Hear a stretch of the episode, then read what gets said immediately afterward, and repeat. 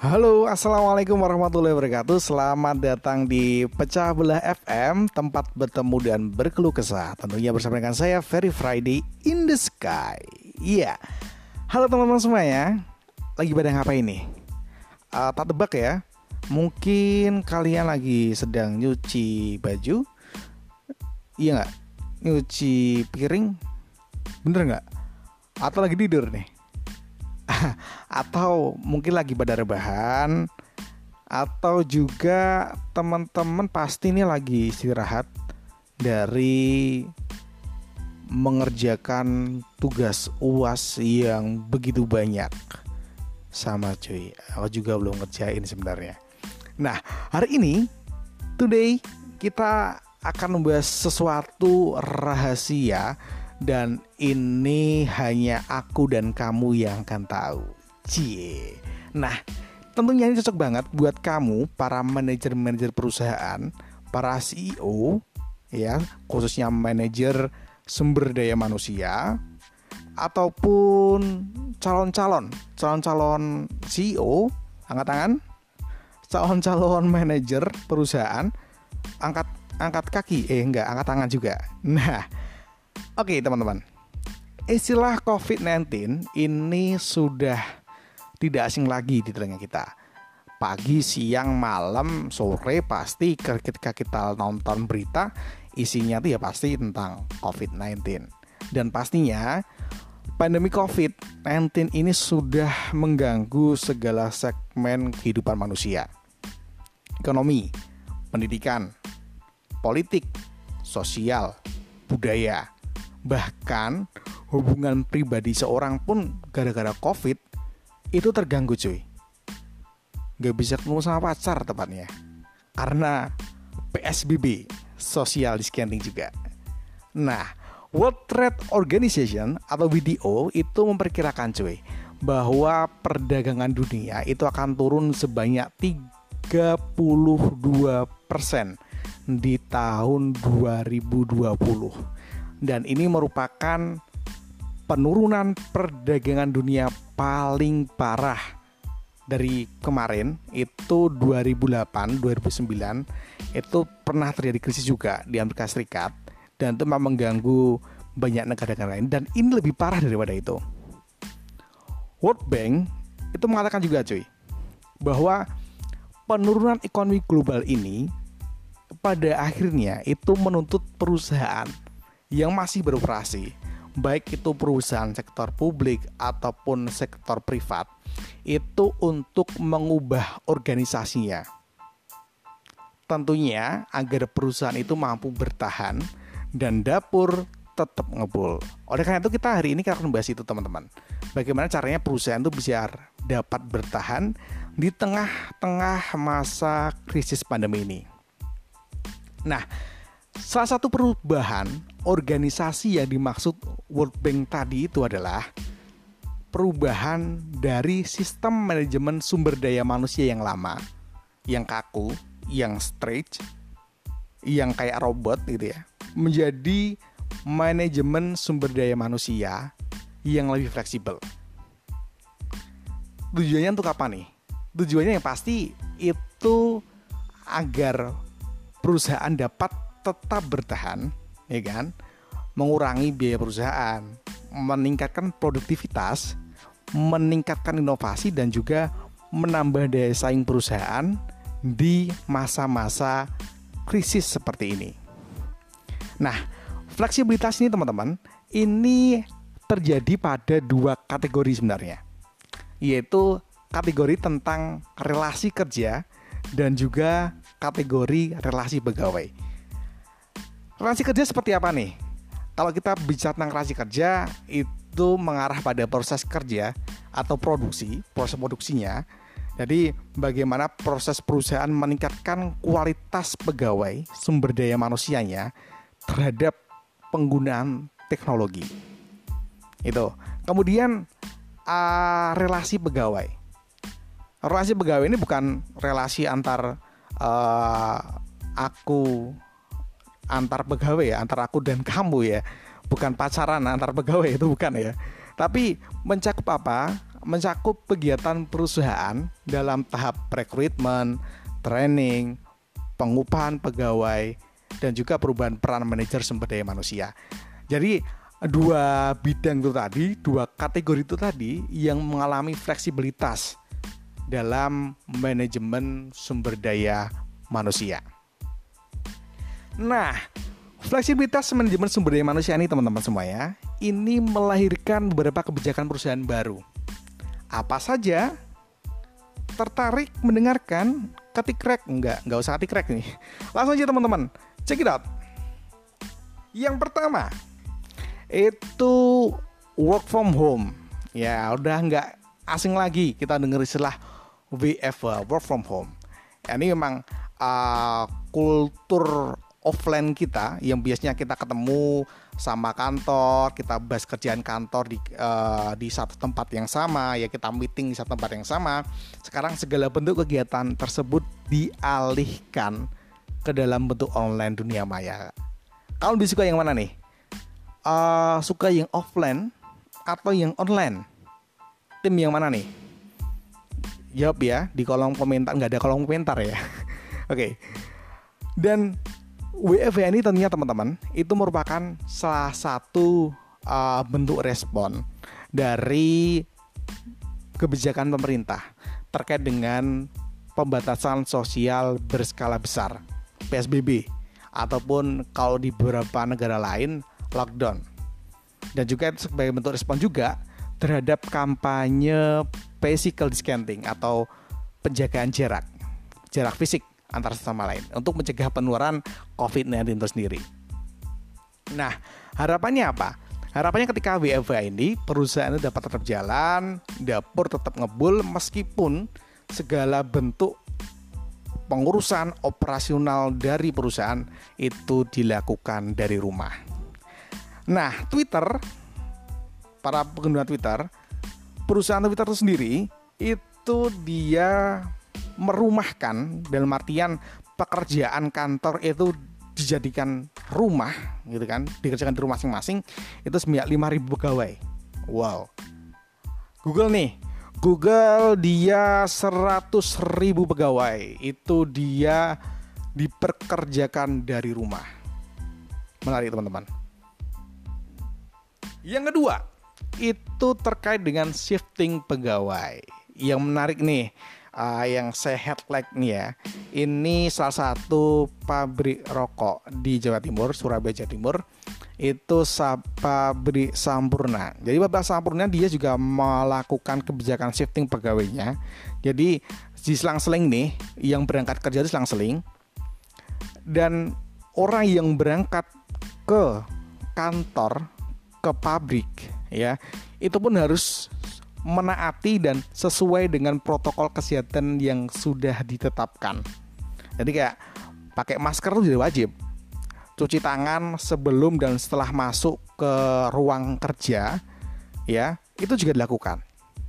Dan yang perlu diperhatikan juga oleh perusahaan itu adalah uh, perusahaan itu perlu memperhatikan istirahat dari pegawai itu sendiri. Jadi biar biar nggak kelelahan cuy. Kalau kelelahan ya pasti produktivitas seorang itu akan menurun. Iya, kelelahan juga itu nanti itu bisa menurunkan sistem imunitas dalam tubuh. Ketika sistem imunitas dalam tubuh itu menurun, itulah yang disenangi sama COVID-19.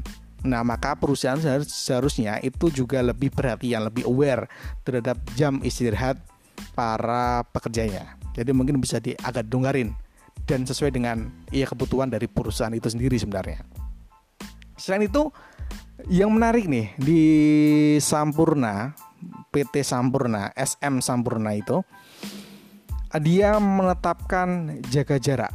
Ya pasti physical distancing ya. Ya ini yang unik nih. Kalau dulu itu sebelum ada COVID-19 ini, jadi ketika packaging apa packaging rokok gitu ya itu biasanya semisal ada meja A B C D itu semuanya terisi orang gitu ya jadi berjejer-jejer.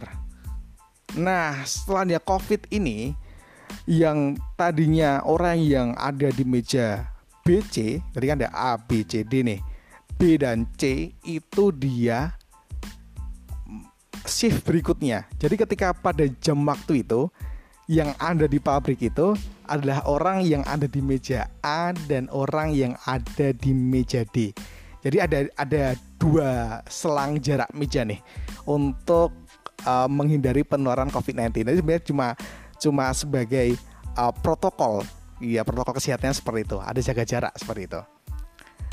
Nah, kemudian teman-teman, sebelum berangkat juga, sebelum masuk ke pabrik, ke kantor, bagi yang masih berangkat kantor ya, itu dicek kesehatannya. Nah, dicek kesehatannya dan biasanya sih ukur suhu ya, karena salah satu gejala yang dapat dilihat dari COVID-19 ini itu suhu. Walaupun sebenarnya banyak sekali kita temukan eh, kasus-kasus uh, yang sekarang OTG orang tanpa gejala. Tapi merupakan bentuk ikhtiar bentuk usaha itu ya salah satunya dengan cek suhu itu tadi dan ketika perusahaan menemukan karyawan-karyawannya yang sakit, pegawai yang sakit, maka perusahaan itu dapat mengizinkan dapat mengizinkan karyawannya untuk pulang. Ya karena sekali lagi, ketika tubuh sakit, pasti produktivitas uh, dia ketika dia kerja di kantor, ketika dia kerja di pabrik itu pasti menurun.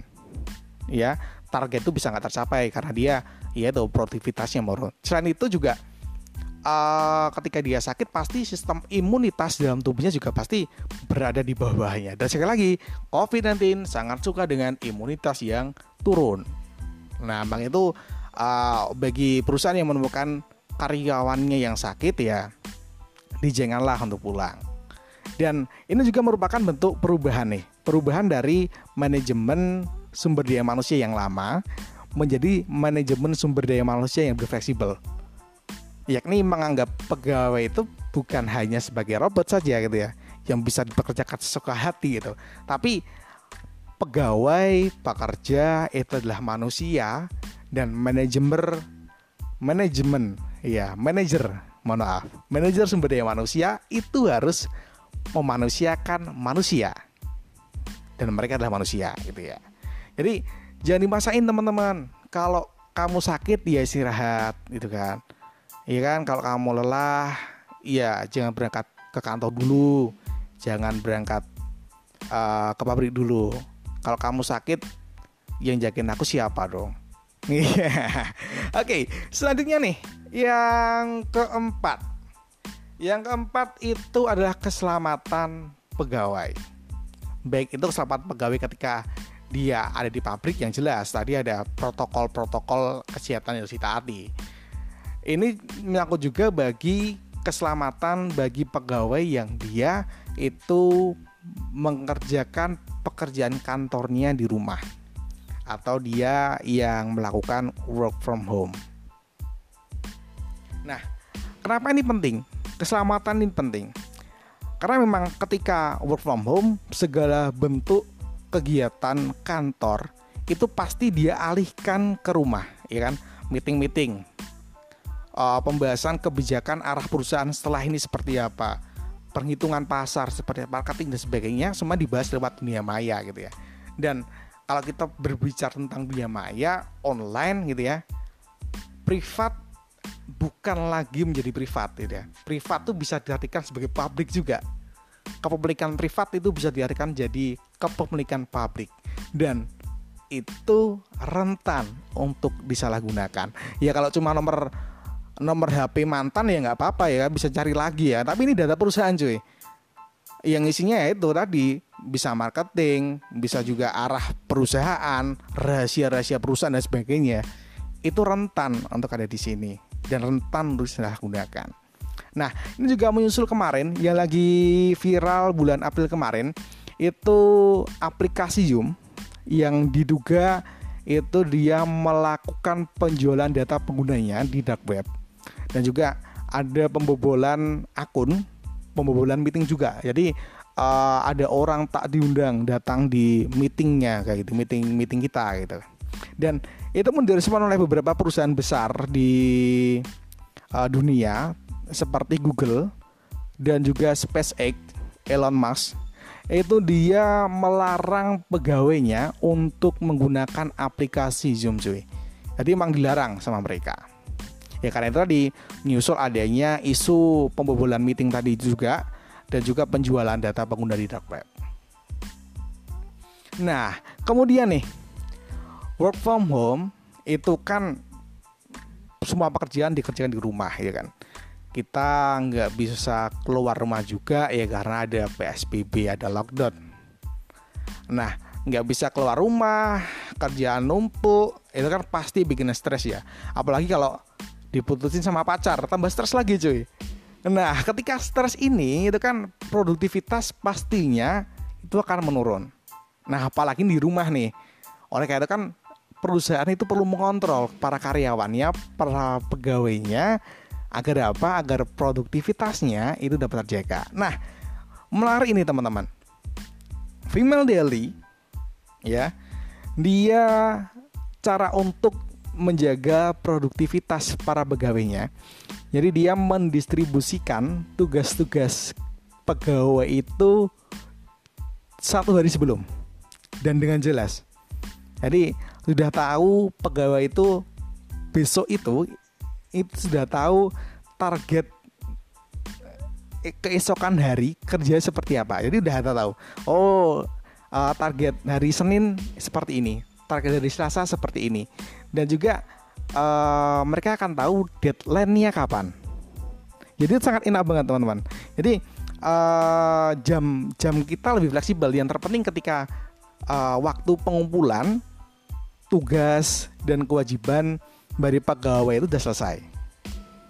Mau ngerjainnya tengah malam, pagi-pagi atau habis uh, habis sahur mungkin kalau kita lagi puasa sekarang terserah yang terpenting ketika pengerjaan itu uh, pengumpulan itu dilakukan pengerjaan sudah selesai. Nah selain itu female daily juga dia bisa mengadakan Enggak deh, dia dia mengadakan. Dia mengadakan town hall, town hall lewat video konferensi. Ya karena biasanya kalau town hall itu kan kita berkumpul di suatu ruangan terus kita sharing-sharing itu ya. Karena nggak bisa, mereka mengadakannya lewat video konferensi. Nah, tujuannya apa nih? Tujuannya itu ya agar hubungan antara perusahaan manajer khususnya manajemen uh, manajer SDM dengan pegawainya itu dapat terjaga keep in touch ya dapat bersilaturahmi dapat terus menerus kayak gitu. Dan juga sebagai sarana controlling juga controlling dari atasan ke bawahan. Dan manajer juga akan tahu update perkembangan dari uh, para pegawainya seperti apa. Dan ini juga bisa dijadikan sebagai sarana apresiasi appreciate para pekerjanya atas capaian-capaian kerja yang sudah di mereka lakukan. Dan terpenting adalah uh, konferensi konferensi call datang hall ini itu juga merupakan sarana untuk kita bisa menurunkan kadar stres di dalam diri pegawai atau coping stress gitu kan jadi biar uh, produktivitas dari seorang pegawai itu meskipun dia ada pekerjaan yang numpuk yang banyak dia tetap bisa bahagia. Weh, sekut nggak cuy? Perusahaan aja merhatiin gitu kan, merhatiin biar nggak stres, masa kamu nggak? Oke, okay. kemudian ada yang unik lagi nih, cara untuk menjaga produktivitas, semangat dan juga mood dari pegawai itu dari perusahaan Deli Indonesia. Jadi ketika dia mengadakan konferensi call, ya konferensi video konferensi ataupun town hall, dia itu mengadakan best custom competition. Wih, lucu cuy.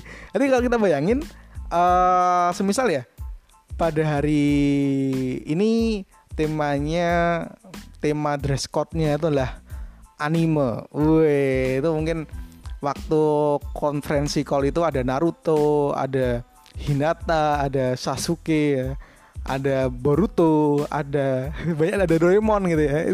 Berkumpul jadi satu gitu. Lucu banget sih. Kemudian hari berikutnya temanya vintage gitu. Wah, kayak pensi aja kayak.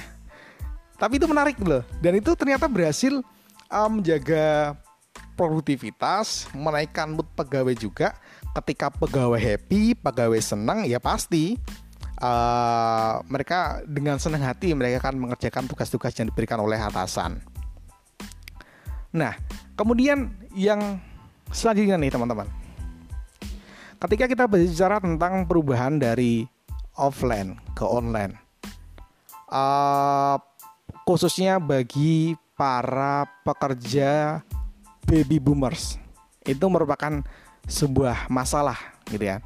Baby boomers yang sukanya itu loh, yang suka menyebar pesan uh, berantai lewat grup keluarga, terus uh, seneng story lewat WA bukan lewat IG gitu kan.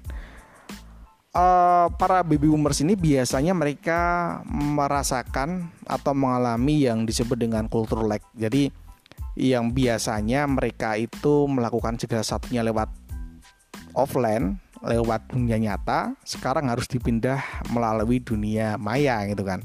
Nah, oleh karena itu perusahaan itu dapat melakukan training and design Oh, training and development maksud saya. TND, training and development. Uh, bagaimana cara menggunakan teknologi yang dipakai untuk perusahaan itu untuk untuk WFH, untuk work from home. Nah, tujuannya untuk apa? Yang jelas agar uh, para baby boomers ini cepat untuk beradaptasi dan sehingga produktivitas pegawai pun dapat terjaga dengan baik. Nah, salah satu lagi yang keren nih, teman-teman sekarang kan sudah uh, dikenal dengan era cloud computing ya atau penyimpanan uh, komputer awan cloud computing gitu kan. Nah itu juga bisa dimanfaatkan oleh para perusahaan itu untuk menyimpan dan mengolah data pegawai dan nantinya itu juga akan mempermudah manajer sumber daya manusia dalam menghitung absensi dan juga penggajian pegawai. Woi, keren ya, kayak kamu. Oke, okay. uh, eh, adanya perubahan kebijakan perusahaan dan kondisi finansial perusahaan itu memang menuntut perusahaan juga uh, harus melakukan penyesuaian terhadap gaji dan kontrol jumlah pegawai. Jadi sebenarnya perusahaan itu dihadapkan pada dua pilihan teman-teman. Yang pertama uh, dia itu mengurangi atau mengendalikan jumlah pegawai dengan memberhentikan pegawai dan juga dia membatasi rekrutmen pegawai. Nah, ini yang sempat belakangan sudah diumumkan itu kan bahwasanya pendaftaran pegawai negeri sipil pada tahun 2020 itu didiadakan. Dan juga menyusul nih uh, untuk pendaftaran sekolah dinas beberapa sekolah dinas itu tidak menerima pendaftaran siswa baru. Ya itu kayak stan itu tidak ada pendaftaran untuk tahun 2020 semangat ya para pejuang stan.